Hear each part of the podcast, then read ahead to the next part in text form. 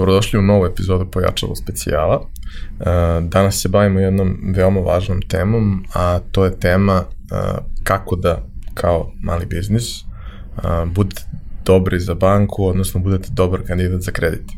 Realizaciju ovog serijala je podržala kompanija Visa i njihova platforma za podršku malom biznisu, a, a projekat o kojem ćemo danas govoriti je jedan od projekata koji se tamo nalaze kao preporučeni uz niz drugih interesantnih projekata i niz drugih, da kažemo, pogodnosti koje kao mali biznis možete da iskoristite da unapredite svoje poslovanje u nekoliko različitih oblasti, recimo elektronskog plaćanja, ovaj, nekih kreativnih usluga, e, promocije i tako dalje. U svakom slučaju više informacije o tome možete naći u opisu uh, ovog podcasta svakako pratite šta se dešava, stalno ima nekih novih aktivnosti koje kompanija Visa organizuje, pa možda naletite na nešto što, što baš vama odgovara. Danas imam dva zanimljiva gosta, to su Miloš Bajčetić i e, Nikola Maslovarić. E, njih dvojica su zajedno, kažemo, radili na, na projektu Dobar za banku, s tim što je Miloš iz bankarskog sektora bavi se upravljanjem rizicima, kreditnim rizicima sa korporativnim klijentima, ali i malim i srednjim preduzećima, što je za, za ovaj naš segment i našu publiku veoma važno, dok je Nikola neko ko ima vrlo bogato i raznovrsno iskustvo što preduzetničko, što bankarsko, što iz korpo sektora i uh, bio je tu uh, vrlo važan kao neko ko daje dodatni feedback i flavor i uh, može da pomogne za bolje razumevanje Jer u principu jedan od razloga zašto mi uopšte pričamo danas i zašto postoji servis je to što ne postoji baš idealno razumevanje između preduzetnika i, i bankara. A, Miloše, kaži mi, šta je zapravo servis dobro za banku? Kako je koncipiran?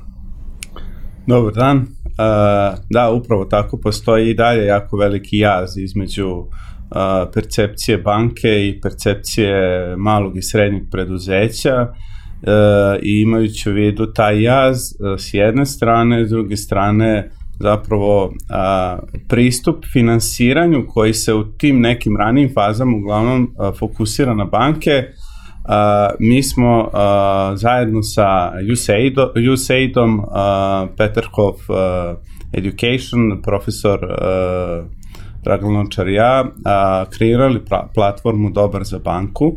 A, ideja je bila da se podigne nivo svesti, odnosno da kroz edukativne sesije a, se ukaže na probleme sa kojima se javljaju a, vlasnici i menadžeri malih i srednjih preduzeća i da a, kroz platformu pokušaju da a, te probleme prevaziđu a, povećanjem nivoa svoje edukacije. Dakle, sama platforma je koncipirana u uh, nekoliko sati uh, uh, uh, sesija snimljenih, ali takođe sadrži i tool koji im daje negde, da kažemo, prostor da se sami procene u smislu koliko bi njihova pozicija bila i kako i na koji način sagledana od strane banke.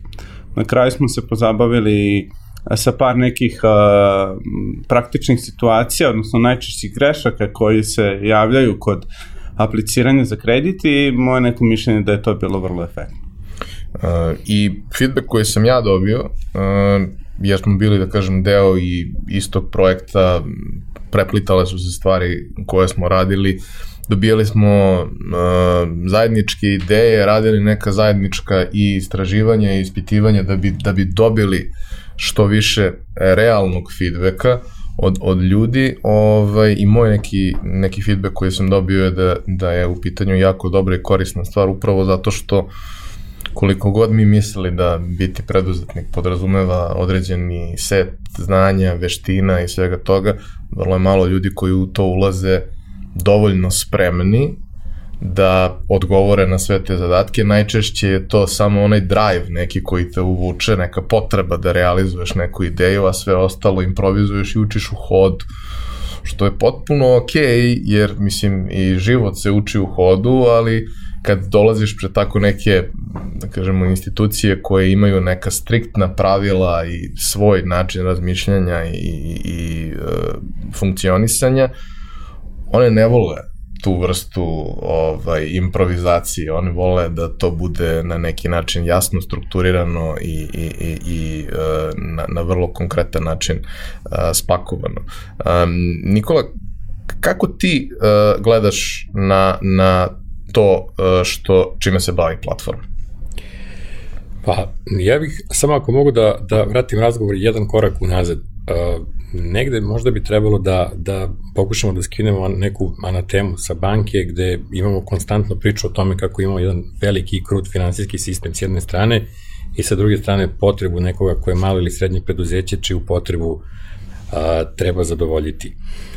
A, moramo biti svesni toga da su finansijske institucije izuzetno visoko, da kažem, jedna regulisana oblast, a, koja verovatno je možda i, i, i po pitanju složenosti regulative i po pitanju same kontrole a, jedna od rigoroznih branši koje postoje. I zbog toga a, i ta, naravno treba imati na umu i da su strane kompanije, odnosno strane banke koje su došle na ovo tržište između ostalog i jednim delom pod regulativom i Evropske centralne banke, naravno i a, naše Narodne banke Srbije.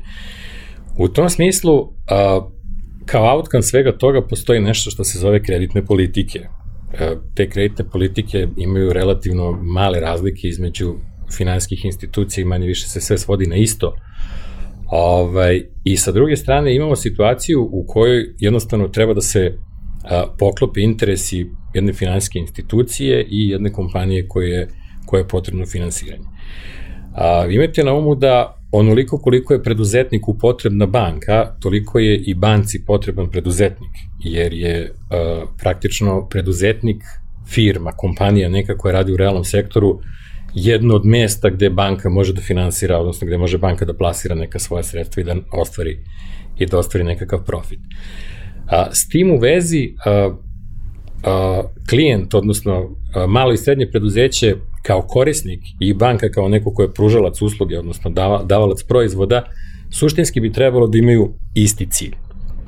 E sad, postoji razlika u tome što zbog čitave složenosti posla samog finansijskog sektora, vi sa jedne strane imate visoko sofisticirane, obrazovane kadrove, konkretno, usko, stručno vezano za taj segment, i sa druge strane imate ljude koji se bave raznim stvarima i kojima apsolutno i realno financije same po sebi ne bi trebale da znače mnogo ili, ajde da kažem, skoro pa ništa.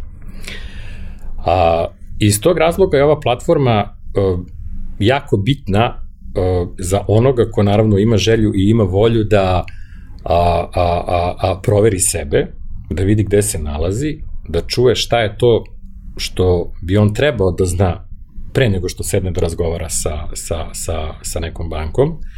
Naravno, on bi trebao u toj banci da ima i nekog sagovornika koji bi trebao da mu pomogne i da ga vodi kroz taj čitav proces. Ali je mnogo drugačije ukoliko vi u taj proces uđete sa već nekim predznanjem, a mislim da mu platforma daje sasvim dovoljno sadržaja, i sa druge strane, kroz platformu on praktično može da proveri svoj kreditni rating. Jer glavna vodilja kroz proces dobijanja kredita vam je kreditni rating. Ako imate dobar kreditni rating, vi onda imate i dobru pregovaračku poziciju sa bankom. Ukoliko nemate dobar kreditni rating, vaša, vaša pregovaračka pozicija sa bankom je praktično nikakva. A, tu sad postoji, da kažem, jedan među korak, a to je kada testirate sebe kroz platformu, šta je to što u nekom, da kažem, narednom periodu, u nekoj sledećoj iteraciji treba da uradite, jer ukoliko se pokaže da, da, je, da je kreditni rating kompanije dobar, vi naravno možete nastaviti dalje, a, nako, a ukoliko, da kažem, niste u toj poziciji, onda tu postoji jedan sledeći korak, a to je na koji način vi svoje financije da dovedete u red. Kod malih preduzeća, sad ne pričamo o srednjim preduzećima, srednje preduzeće su već, da kažem, za naše prilike prilično ozbiljne, ovaj, prilično ozbiljne preduzeća, ali mala preduzeća u najvećem broju slučajeva outsourcuju knjigovodstvo, nemaju svoj profesionalni finansijski menadžment I, ovaj, I jednostavno zbog toga nisu u situaciji čak ni da upravljaju nekim elementarnim stvarima koje se tiču financija. Imati dobrog knjigovođu ne znači da u nekom trenutku kada budete podvukli crtu u vašim finansijskim izveštajima da će to izgledati kako treba, a vrlo lako može da se desi da imate vrlo dobar i vrlo zdrav i vrlo profitabilan biznis, a da u realnom životu, zbog toga što se neke stvari prosto dešavaju na case by case principu, ovaj, dođete do toga da nakon nekog perioda kada podvučete crtu shvatite da vam pozicija u banci baš i nije sjajna. Koji su ti neki e, konkretni e, slučajevi koji, koji se javljaju gde e, ljudi koji bi uz malo drugačije upravljanje svojim biznisom i financijama svoje firme bili bolji kandidat za kredit i za banku?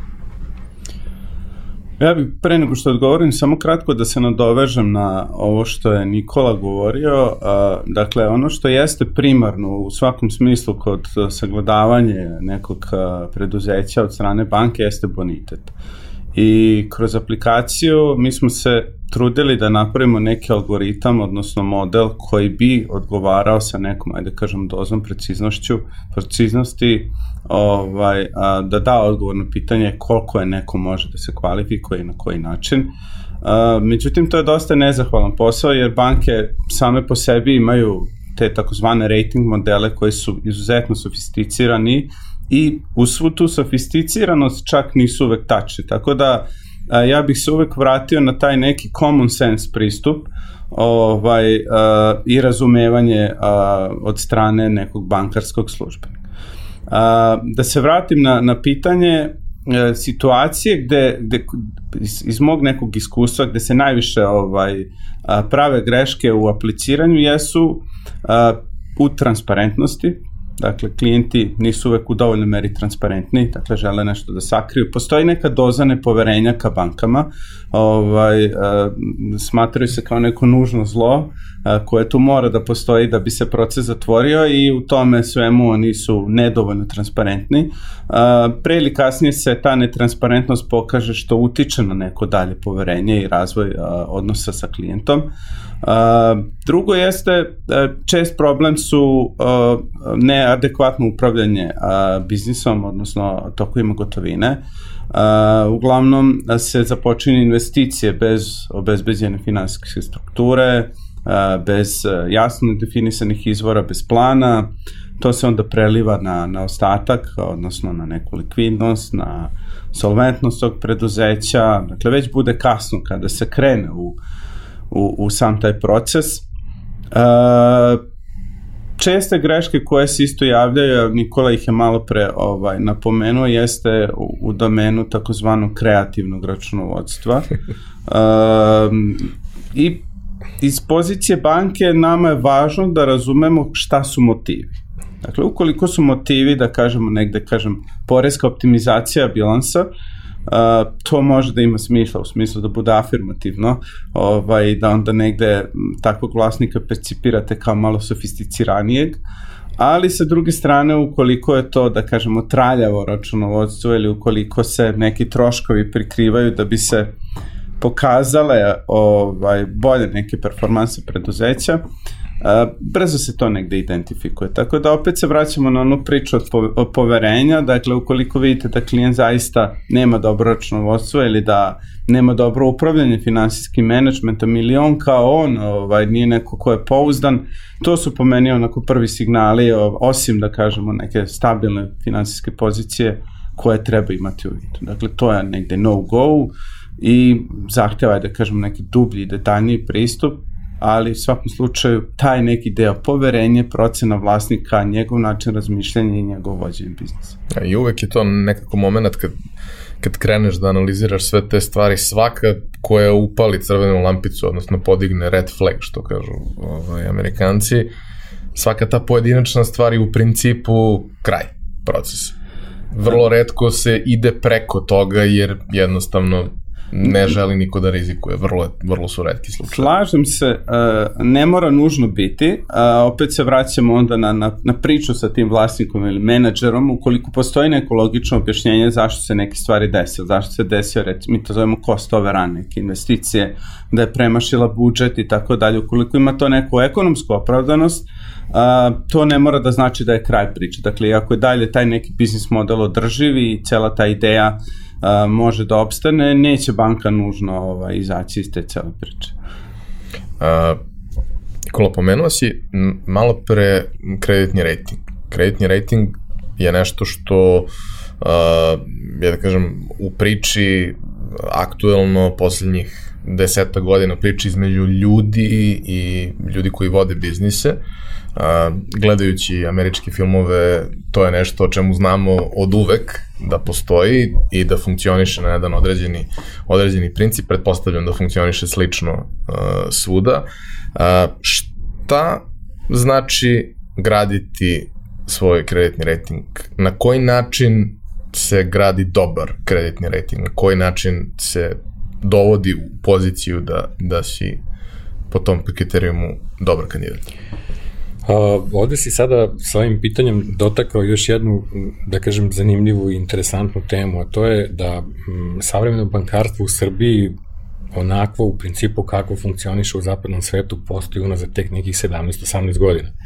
Iz perspektive jedne ekonomije koja je u tom trenutku bila vrlo slabašna, a, pa moram da kažem da je to i, i vremenski horizont relativno mali, moram da kažem da se tu formirala i jedna nova generacija preduzetnika, moram da kažem da tu postoji jedna generacija preduzetnika koja se formirala a, tokom 90. godina sa jednim potpuno drugačijim mindsetom koji je, da kažem, u nekom datom okruženju u kome su ti ljudi funkcionisali prosto i nametnula jedan takav mindset, ovaj, do toga da dolazimo da, da, da dolazimo u situaciju da su naši preduzetnici unazad, pa a rekao bih celu deceniju, dobrim delom shvatili da a, a, a, si on, da si u ekonomiji, u svom biznisu, između ostalog, jak i jednim delom onoliko koliko si jak a, u svojoj banci, odnosno koliko je banka a, voljna da te podrži. A, kako se pravi kreditni rating? Pa, naravno, da bi, da bi kreditni rating bio dobar, mora da postoji, mora da postoji dobar biznis model. Znači, mora sam, sam po sebi biznis da bude profitabilan, a, jednostavno to je nešto što, što je u tom trenutku propulzivno na tržištu. Imajte na umu da su preduzetnici a, ljudi koji su, da kažem, vrlo skloni i promeni mišljenja i promeni nastupanja i vrlo će, vrlo će rado da se oprobaju u nekoj drugoj branši. Oni ne gledaju na novac kao na nešto što je krajnji cilj. A, inače bi samo gomilali novac i ništa ne bi radili. Oni su ti koji taj novac konstantno ulažu, konstantno guraju neke druge projekte, oni kada vide a, a, a, oni kada vide novac na računu, a, oni vide da je to nešto što im vredi 10, 20, 30% manje nego da su ušli u neku dobru robu za koju znaju na koji način će moći da je prodaju. Znači, e, sam biznis po sebi je nešto što je, da kažem, osnovni i krucijalni e, generator kreditnog ratinga. Drugi deo je ponašanje samog preduzetnika, odnosno načina koji on a, setovao svoju firmu. A, optimizacija troškova, profesionalni pristup, a, adekvatan profesionalni management, jer verujte mi da a, kada posmatrate, kada posmatrate neku firmu u kojoj je preduzetnik a, a, na vreme shvatio da ne treba da se bavi svime i da jednostavno time kada se bavi svime gubi fokus na određene stvari, već treba da angažuje da treba da angažuje profesionalni menadžment, a tog trenutka ta firma dobija apsolutno jednu drugačiju formu. Ono što banke takođe vole da vide kada je kreditni rating u pitanju, to je da još neko osim banke snosi rizik. A, suština bankarskog posla jeste u tome a, koliki je rizik banka spremna da, da, da podnese u nekoj, da kažem, saradnji sa klijentom. Kad uđete u nekakav projekat sa klijentom, vi ste suštinski gledano tu u partnerskom odnosu. Ali taj partnerski odnos vam izgleda ovako. Imate investiciju u kojoj je neki kreditni standard da će klijent uložiti 20-30% sobstvenog kapitala, ostatak treba da uloži banka,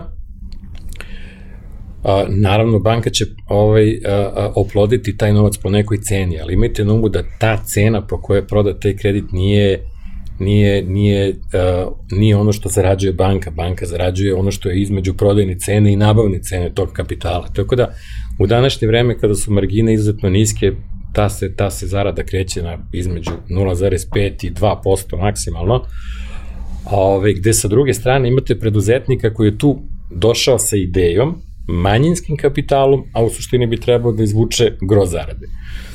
A, logično je da, da banka u tom trenutku pokušava da postavi neka svoja pravila igre, ovaj, jer želi da ima a, određenu vrstu kontrole nad procesom u biznisu u koji se u suštini ne razume ili se razume vrlo površno.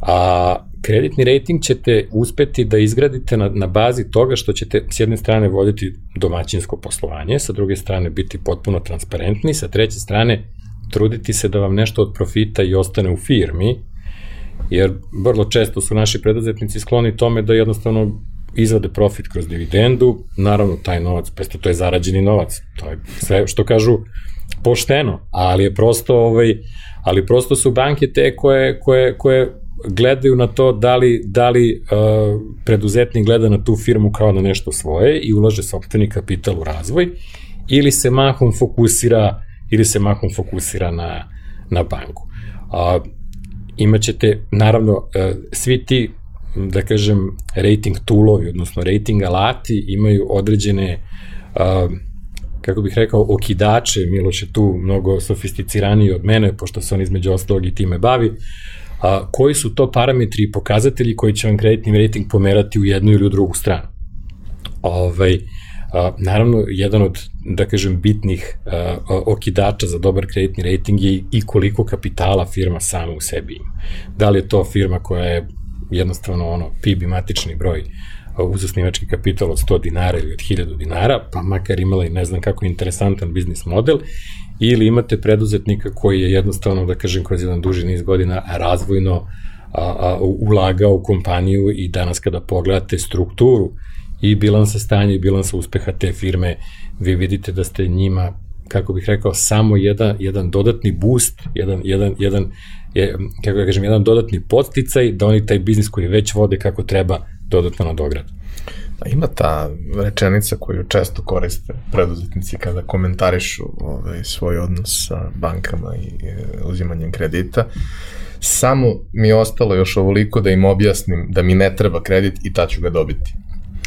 E sad, vrlo često to kažu ljudi koji u suštini kada dođe kraj godine se bave tim kako da smanjimo dobit. Što je onako uzročno posledično vezano, ali kada, kada pričaš sa njima, oni ne vide da, da to jedno sa drugim ima neke naročite veze, da ljudi ne vole baš da vide kad neko ima dobre rezultate do decembra, onda baš tad ima neke nepredviđene veće troškove i ta dobit uvek bude u, nekom, u nekim granicama minimuma. Ovaj, I prosto niz neki čitav uh, drugih stvari koje se tu dešavaju, ali uh, koliko je značajno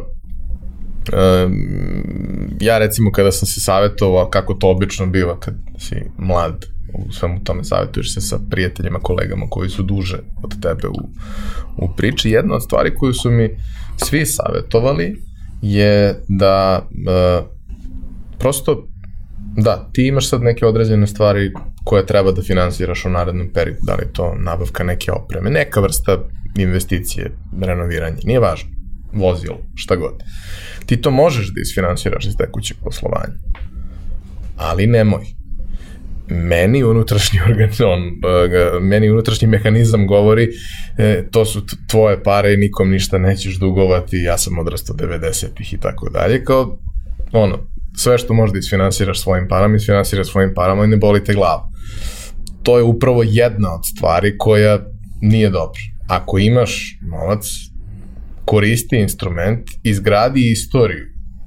Da, da dobro da, da imaš dobar odnos sa bankom, da kredit koji uzmeš vraćaš dinamikom koja je dogovorena, da prosto taj novac koji, koji je ostao, nekakav višak, koristiš i kao neko sredstvo obezbeđenja, ali i kao neku vrstu bafera za slučaj da dođe do problema sa cash flowom, da ne dođeš u, u, u tu neku a, problematičnu situaciju. Koliko takve stvari zapravo utiču?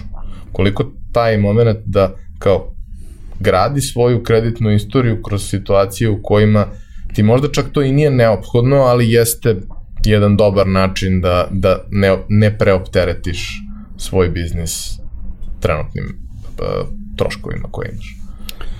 Uh, pa možda je malo kontroverzno, uh, ali ja sam generalno fan zaduživanja, uh, iz prosto ne zato što sam u takvoj industriji da želim da pospešujem da se što više ljudi zadužuju, nego prosto iz ugla vlasnika zaduživanje je dobro uh, i malo čas smo spominjali, dakle prinos na uloženi kapital raste uz zaduživanje. Dakle, uh, ti kao vlasnik preduzeća možeš da pokupiš uh, gotovo celokupnu dobit a, minus kamata, ovaj, uz dobro zaduživanje, uslov za to jeste da taj biznis bude održiv. Dakle, leverage pomaže, ali i podiže rizik. Tako da ja svakako mislim da samo finansiranje svega a, nije uvek najbolje za kompaniju, dakle taj konzervativni austrijski model iz moje neke percepcije nije idealan, ako firma želi da raste ili zavisi koji je neki sentiment vlasnika kojom brzinom želi da raste, nemam ništa protiv ljudi koji sve sami finansiraju, A, tako da je to već negde stvar izbora a, kako će se kretati i da li će svoju firmu da zadužu, ali mislim neki umereni nivo duga da je sasvim optimalno. A, međutim, ono što se, a, i da, ono što sam još teo da dodam, a, dakle, mi kao bankari ćemo često da kritikujemo situacije kada vidimo da je neko započeo investiciju iz svojih sredstava ili da je prelio obratni kapital u, u nešto što nije trebalo ili da je akvizirao drugu, treću firmu i tako dalje. Zašto si to uradio? Nisi zaokružio finansijsku strukturu, što je neki, da kažemo, uh, ispravan način pristupa takvom problemu. Međutim, iz razgovora, iz, iz razgovora sa a, privrednicima a, a, saznao sam da nije baš tako, da prosto a, prilike se javljaju u kratkim periodima i prosto oni moraju brzo da reaguju, a, a ukoliko budu čekali banku ili ukoliko budu dobili neadekvatnu strukturu od, od strane banke, ta prilika će da izostane. Tako da i oni naučeni, ajde da kažem, ambijentom u kome se nalaze, prosto uh, moraju negde da izvagaju da li da uđu u tu investiciju takvu, da li će moći da iznesu to sutra ili neće, a da je ne propuste. Tako da, po meni je tu možda i najteži zadatak vlasnika da tu odluku ispravno donese. Ukoliko smatra ili veruje da će moći da da to isfinansira ili da, da dobije na kraju podršku banke, ima smisla da se uputi u takav neki rizik. Ali u svakom slučaju, moja neka preporuka bi bila da se i pre nego što se donese ta odluka u najranijoj fazi razmišljanja o tome konsultuje sa nekim iz banke ili sa svojim finansijskim direktorom, da ne utrčava u to koliko god ta prilika je dobra, jer na kraju dana to može da se ispostavi kao prilika za zatvaranje firme. Uh, hajde da objasnimo još jednu stvar. Uh, upravo vrlo često problem koji, koji ljudi imaju je da uh, možda oni jesu dobar fit za, za određeni kredit, ali procedura traje dugo, uh, komplikovana je, ima mnogo koraka odobravanja, vrlo često se traži dodatna dokumentacija i tako dalje. I mislim da ljudi zapravo ne razumiju šta podrazumeva proces apliciranja za kredit, odnosno šta se dešava onog trenutka kad ti kažeš ja bih hteo kredit, šta se od tog trenutka pa nadalje dešava u banci? Pa pre svega potrebno je dobro se pripremiti za, a, za apliciranje, to je nešto i što je pokriveno kroz samu platformu. Dakle, jako je bitno da taj koji dolazi u banku ume da dobro prezentuje ideju, da ubedi svog a, slušaoca da ta ideja ima smisla. Dakle, bez toga um, šanse za, za neku realizaciju su zaista male. I a, po meni vlasnik treba zaista da bude uporan kad govorimo o komunikaciji sa bankom da pronađe tog koji će da ga razume i da ga čuje i da kaže aha, slažem se, to ima smisla, mi ćemo to da podržimo. Na koji način to može da uradi? Uh, pa isključivo po, iz mog nekog uh, viđenja jeste koliko on veruje, koliko on dobro može to da obrazloži. Dakle, koliko on ume da, da ubedi predstavnika banke da je investicija lukrativna, da će doneti benefit za, za preduzeće i da je održiva na kraju krajeva iz ugla servisiranja duga, a, to je neki, da kažemo, početni korak. Da bi on to mogao da prezentuje, on mora da je pro, duboko ušao u celu ideju, da je do, dobro izanalizirao, da je napravio neke projekcije, biznis plan da je sastavio kojim će on zapravo i da dokumentuje tu svoju ideju i priču. Dakle, da... A šta se dešava ispod haube nakon što se ljudi nakon što ljudi iznesu i prezentuju svoju ideju, pripreme potrebnu dokumentaciju, šta je to što traje neko vreme?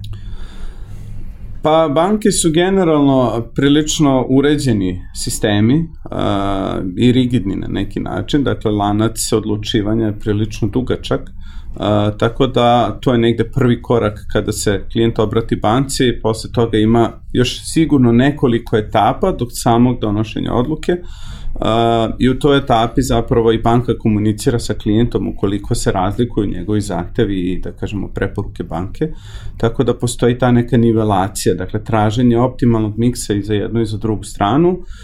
I ukoliko su se dogovorili, ajde da kažemo i banka i klijenti, takva odluka doneta na nekom od organa odlučivanja, onda postoji još jedan deo tog procesa koji često ume da potraja, to jeste administriranje i procesuiranje kredita, naročito ukoliko postoje neki kolaterali, hipoteke ili zaloge, ne znam, jemci ili garantori, dakle veliki broj dokumenta je tu u pripremi, tako da to isto još dodatno produžava sam proces. Klijenti su s jedne strane razumno i nestrpljivi, uh, zato što im novac kada dođu u banku očigledno treba vrlo brzo ili imaju neke urgentne potrebe, a sa druge strane ban, bančina percepcija da, ali ti ako planiraš dobro, treba da dođeš ranije. Tako da i tu je opet taj neki vakum koji je potrebno popuniti na pravi način.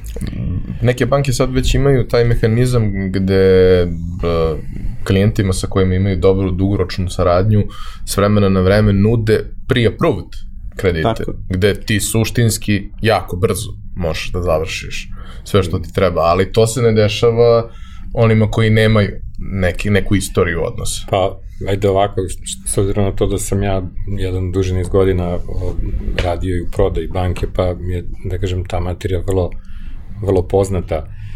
A, na zapadu već duži niz godina se razvijaju određeni modeli koji praktično, da kažem, na bazi određenih javno dostupnih podataka za one klijente za koje nemate nikakve druge podatke, a za boga mi klijente sa kojima već uh, banke funkcionišu, postoje čak i određeni analitički softveri koji se bave analizom ponašanja tih klijenata.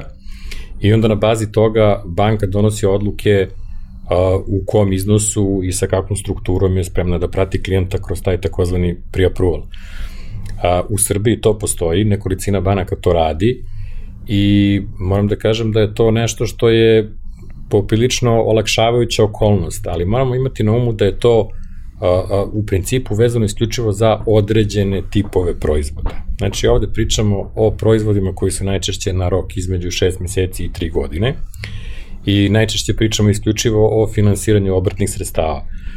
Sve ostalo jednostavno mora proći kroz jednu dublju analizu iz razloga što postoji nešto što se zove podrška kroz obrtna sredstva i postoji nešto što se zove razvojna, odnosno investiciona aktivnost.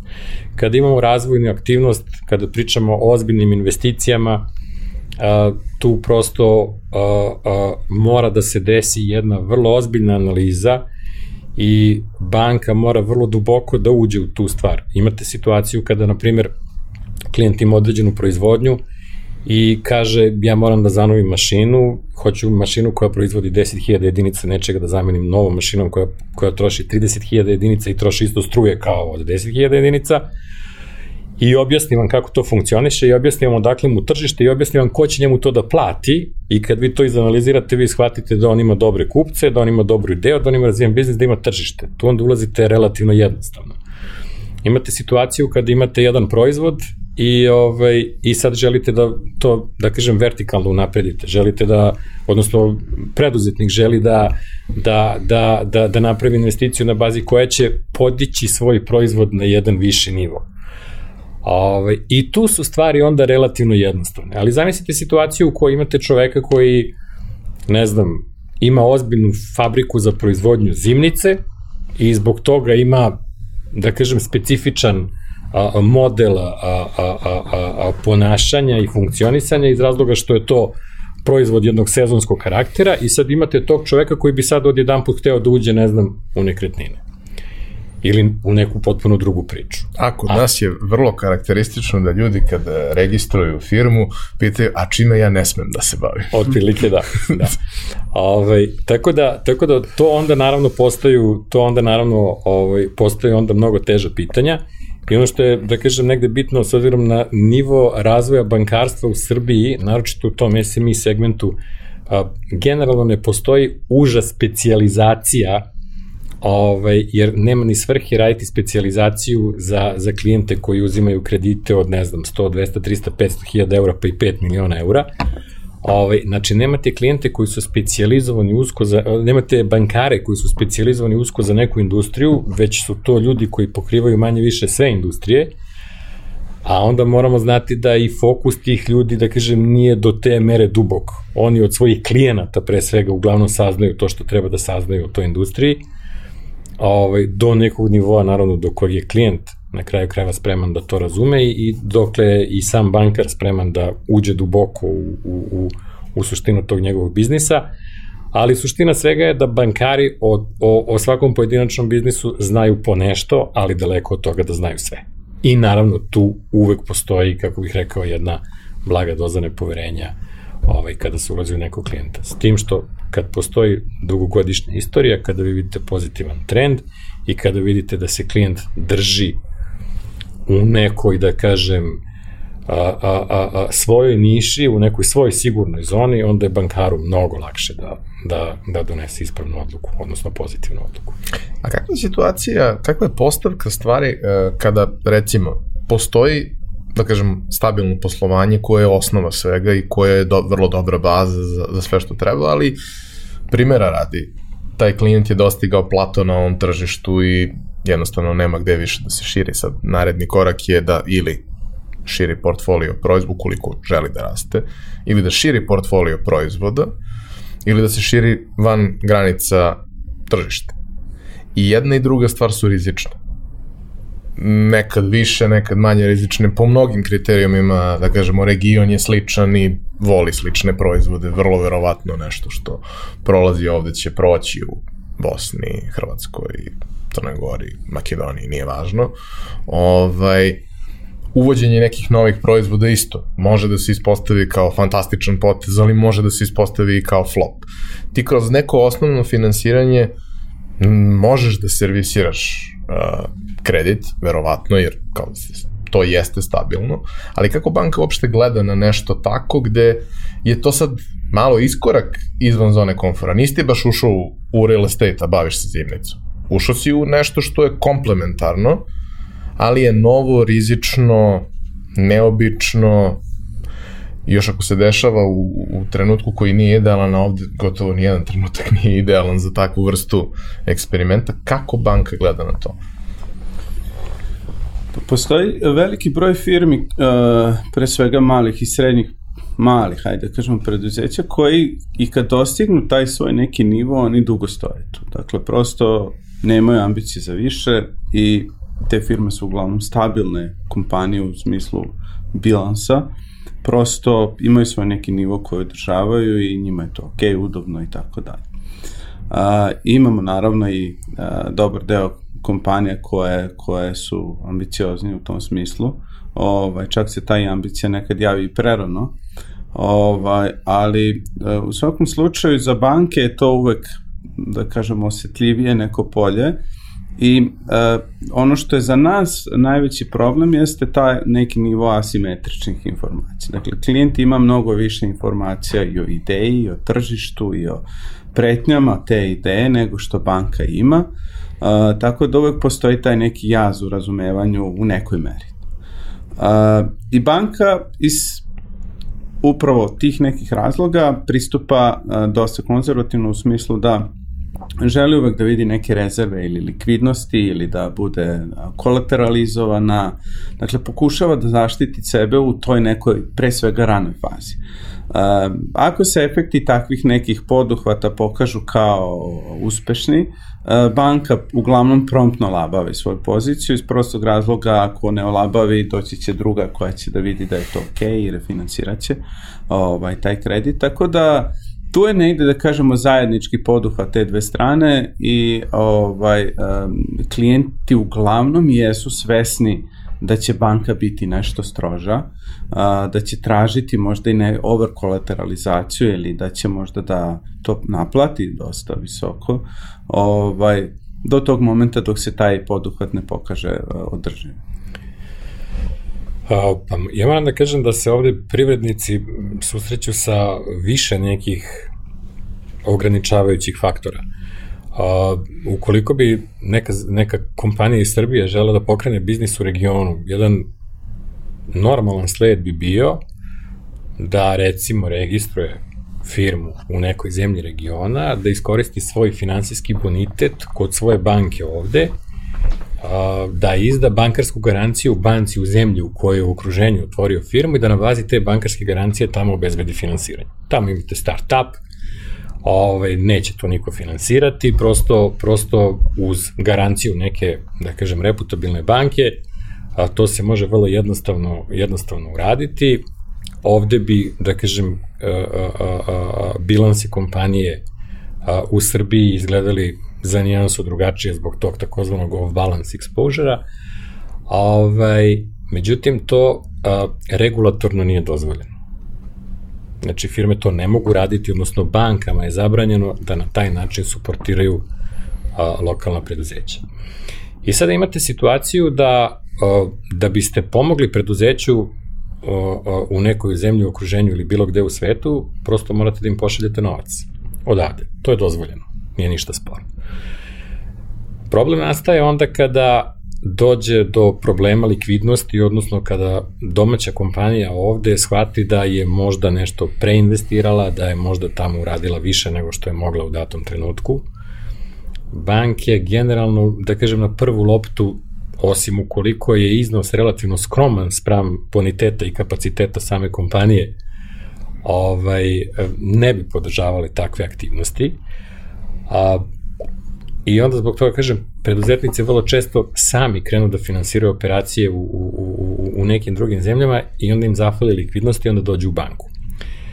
A, tada potencijalno može da nastane problem, naročito ukoliko već postoji određena izloženost u banci, jer će banka sa pravom reći da je došlo do toga da nešto što je jednom u nekom trenutku izgledalo kako je izgledalo, danas više ne izgleda tako, jer odjedan put imamo firmu u nekoj drugoj zemlji, odjedan put imamo prelivanje para u neku drugu firmu, u neku drugu zemlju, tu praktično nemaš nikakvu kontrolu, nemaš kolaterale, nemaš mogućnost da kažem, a, a, sredstava prinude i tako dalje i tako dalje i to negde može malo da kažem da dovede, nekad i u nekoj većoj meri, da dovede do zategnutih odnosa između klijenta i banke.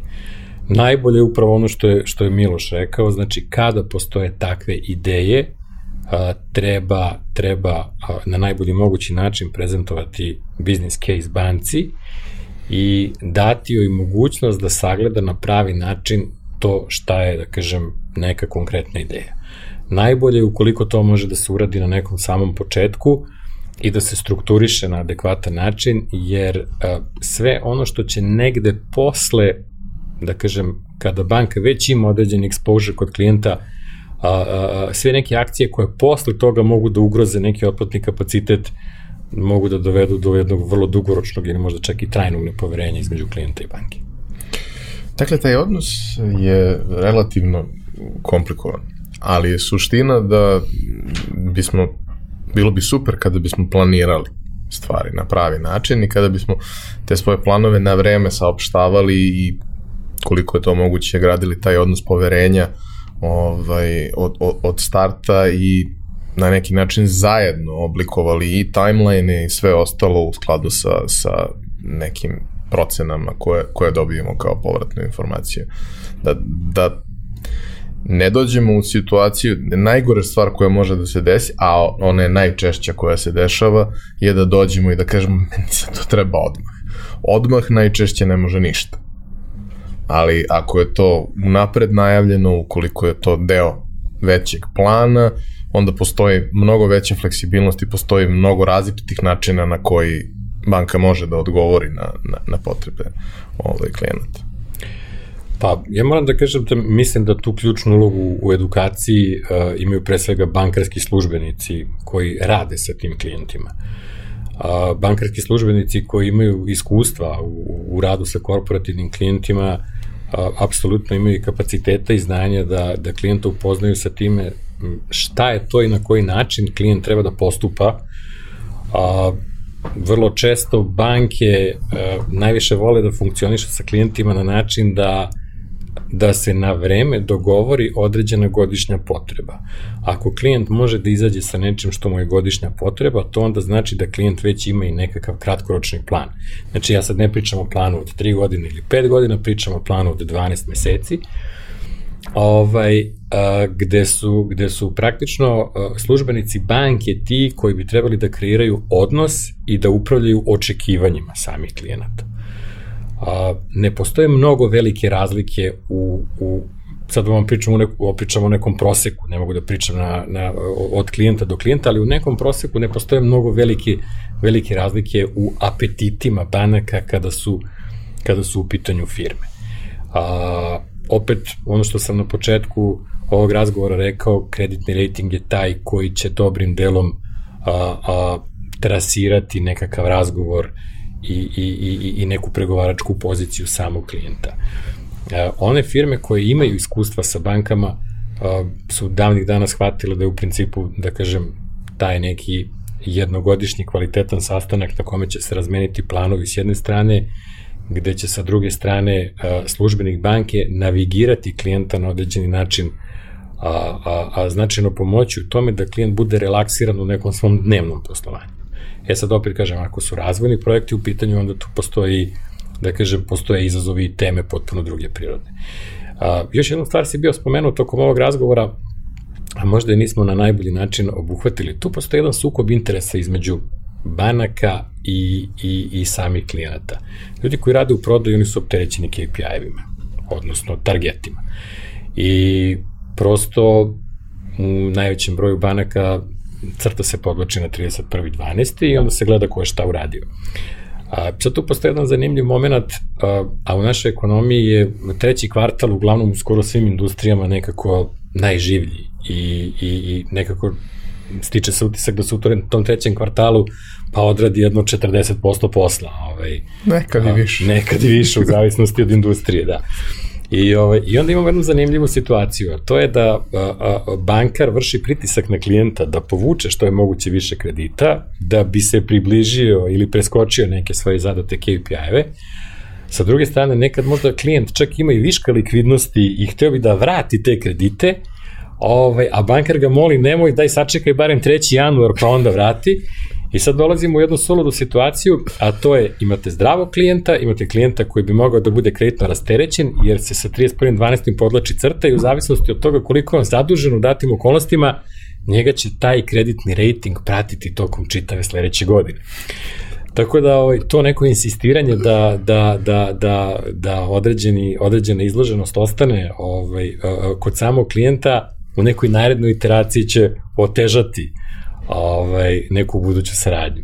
Ali negde, negde se nadam da će, da će, kako bih rekao, vremenom i oni koji su a, kreatori tih targeta razumeti da a, možda bi bilo pametnije da se posmatraju na jedan malo drugačiji način i da ovaj i da to negde dovede do toga da u nekoj konačnici svi izvuku neku korist. Da, imali smo, imali smo pre par meseci uh, sjajan razgovor sa, sa Darkom Mirkovićem, uh, rekao si da, da u razgovoru pre ovoga da, da se vi znate. Da. Ovaj, I on je vrlo detaljno govorio o tome koliko taj neki sistem targeta kakav je uobičajno postavljen uh, zapravo uopšte nije, nije stimulišući jer uh, se postavlja tako da je tebi cilj da dobaciš do toga i idealno da ne prebaciš previše, jer ako prebaciš previše, rizikuješ dalje kako će se stvari ovaj, odvijeti. A uh, što se tiče, uh, da kažemo, postavke uh, iz, iz ugla uh, banke. Hoću da dotaknemo još jednu stvar koja mislim da je, da je vrlo značajna u ovom sad trenutku. Jednu stvar koja je, kažemo, donela promenu kakvu do sad nismo imali u ovoj generaciji. To je, da smo prošle godine imali COVID, imamo ga i dan danas, ali u, kažemo, nekim malo drugačijim okolnostima, ali da je to bio jedan veliki udarac za mnoge firme. Neke firme su se sjajno prilagodile, neki su se već bavile delatnostima koje su procvetale u tom periodu, ali bottom line je da kraj prošle godine i presek stanja na kraju prošle godine za mnoge nije bio dobar. Šta to menja u njihovoj budućnosti? Pa COVID je doneo malo promenu uh, definitivno pristupa banaka ka kreditiranju. Ovaj, um, u startu je dakle zauzet malo usporeniji tempo svakako, dok se nije videlo u kom će smeru kriza da ide. Ali ono što je promenjeno znatno više u odnosu na neku raniju praksu jeste više fokus na same industrije. Upravo iz razloga što neke industrije su se bolje ponašale neke lošije i posledično e, preduzeća iz tih industrija su se isto bolje ili lošije ponašale. Uh, ono što je bilo dobro iz, iz ugla bankarskog sektora definitivno jeste o, državna pomoć uh, koja je usledila u pravom momentu, uh, što je dosta olakšalo bankama svoj pristup kreditiranju, pre svega imali smo garantnu šemu i moratorijume, tako da su preduzeća dobile dosta prostora, ajde da kažemo da udahnu vazduh, još uvek to traje, uh, tako da a, neke a, posledice na portfolije banaka nisu bile toliko a, dramatične koliko se isprva očekivalo. A, rezultati su bili bolji nego što su bile neke originalna predviđanja. A, tako da vidjet će se kako će se kretati ekonomija sad u narodnom periodu, od toga će da zavisi kako će gledati bilansi preduzeća. Sad država generalno beleži rast, Um, ukoliko se tom smeru nastavi, ja verujem da će i da kažemo i, i privredni sektor ostati stabilan. Ukoliko dođe do, do novog prekida, to će onda prilično istrošene rezerve do, do, dokreći i onda očekujem da će biti dosta, dosta defaulta, mi to zovemo defaulti, dakle nemogućnosti preduzeća da servisiraju svoje obaveze. U svakom slučaju, uh, banke su detaljnije pristupile o sagledavanju klijenata, Uh, ono što je nama bilo naročito važno jeste kako klijent sebe vidi, kako se percepira u celoj situaciji, da li se vidi kao ugroženog ili ne, uh, jer mi imamo svoje neko viđenje, mi imamo svoje neke izveštaje, sagledavanje industrije na naš način, ali je bilo bitno da razumemo kako klijent sebe vidi i, i šta on planira na dalje. Tako da, m, mogu da kažem, bar za sada, da je prošlo iz mog nekog ugla bolje nego očekivano, ovaj, neko ostane tako, to je to. Dobro. A, Ako mogu samo da, da, da se nadovežem na, na, na, na ovo što je Miloš govorio, a, tokom prošle godine, kada smo imali lockdown i kada je, da kažem, COVID na ekonomiju a, naše zemlje imao možda i najjači impakt, a, desila se jedna pa ja mogu da kažem, prilično panična reakcija cele privrede, jer suštinski gledano niko nije znao šta da radi. A, postojele su prodavnice koje su i dalje funkcionisale, do duše u nekom, da kažem, izmenjenom režimu rada, ali su funkcionisale. Imali smo čak u nekim momentima i panično pražnjenje rafova a, pojedine robe. A sa druge strane, postojele su industrije gde je jednostavno neko stisnuo dugme i ugasio firmu. Evo, da uzemo, na primer, avio saobraćaj ili da uzemo, na primer, nešto što nam je ovako svakodnevnije, autobuski prevoz. Idealno međunarodni autobuski prevoz. Imamo firmu koja ima 100 autobusa, ima 400 zaposlenih, funkcioniše 20 godina, gro autobusa je novo, najčešće na leasing, a, a, a, sve je bilo kako treba, imamo jedan, jedan zdrav posao, imamo jedan kontinuirani cash flow, a, imamo firmu sa odličnim track rekordom i u jednom trenutku ta firma ne može da napravi jedan kilometar i dalje ima 400 ljudi na platnom spisku, tih 400 ljudi moraju da budu plaćeni, jer prosto po zakonu moraju da budu plaćeni ukoliko su u radnom odnosu, ta firma ne može da dobije ni litar nafte na odloženo plaćanje od bilo koga, a i ako bi ga dobila, ne zna šta bi uradila.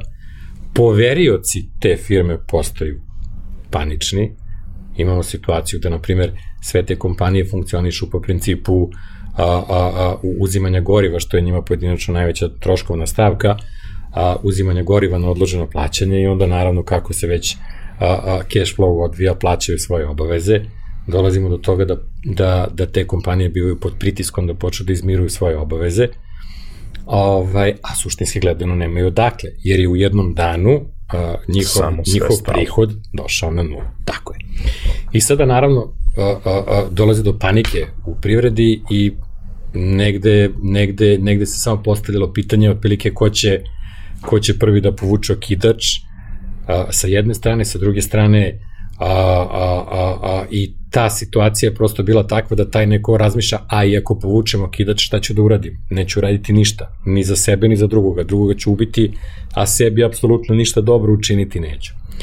A sva je sreća da, je, da su državne mere zaista bile pravovremene i bile su adekvatne i momenta kada se to desilo, pa ja bih rekao da je 90% panike, 90% panike zaista utihnulo, a trenutno je situacija takva da, s obzirom na to da smo imali zaista solidnu ekonomsku, vrlo dobru ekonomsku konjunkturu a, a, unazad nekoliko godina, da su pojedine firme iz određenih industrija ostvarile manje više slične rezultate kao prethodnih godina, pa možda i cela trećina kompanija ostvarila čak i bolje rezultate i imamo tu jednu trećinu koja je zaista a, a, a, koja je zaista propatila. Tu naravno recimo pričamo i o ugostiteljstvu, o turizmu, Event o, o, još nekim tako, još nekim industrijskim granama a, koje se u suštini mogu, mogu brzo oporaviti, ali samo u slučaju da zaista dobiju da zaista dobiju adekvatnu pomoć i da naravno konačno raskrstimo sa pandemijom. Da, da se desi stabilizacija bude... koju čekamo. Ništa da. nije, ja stalno pominjem taj citat ovde, mislim da sam se ljudima koji redovno slušaju smučio, ali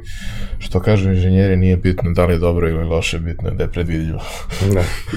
Koliko god ti na nešto što je predvidljivo, ti na nešto što možeš da, da, da na pravi način anticipiraš, ti ćeš da se prilagodiš. Jel to znači da možeš da se smanjiš? Ok, smanjiš se, ali ako ne znaš šta se zapravo dešava i ako ti je to sve u magli što je, što je ispred tebe, ne možeš da upravljaš Tako. time na pravi način.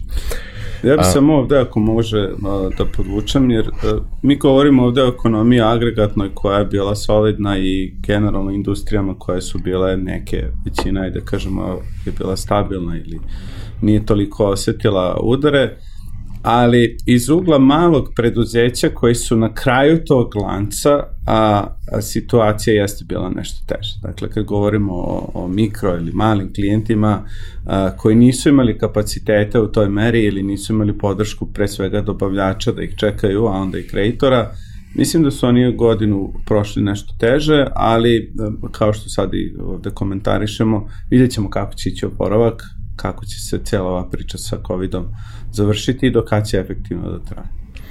Uh, momci, hvala vam. Uh, preporuka za sve koji su oslušali i nadam se dobili sada malo jasniju sliku o tome kako sam proces funkcioniše, da odu na dobarzabanku.rs, nauče neke stvari, urade evaluaciju sobstvenog biznisa, shvate šta su jake strane, šta su slabosti, na čemu treba da rade, da prosto bolje pripremljeni uđu u nekakve razgovore koji, koji pre ili kasnije dolaze sa, sa bankama. Hvala kompaniji Visa koja nas podržava u realizaciji ovog serijala i preporuka svima vama da na linku u opisu podcasta pogledate njihovu platformu za podršku malom biznisu i tamo vidite da li postoji nešto što možete da iskoristite da unapredite svoje poslovanje, najčešće u nekom od elektronskih oblika, ovaj, ali i u nekim drugim sferama. To bi bilo to od nas za, za ovu epizodu. Uh, redovna epizoda u nedelju, naredni specijal u sredu. Hvala vam puno, vidimo se.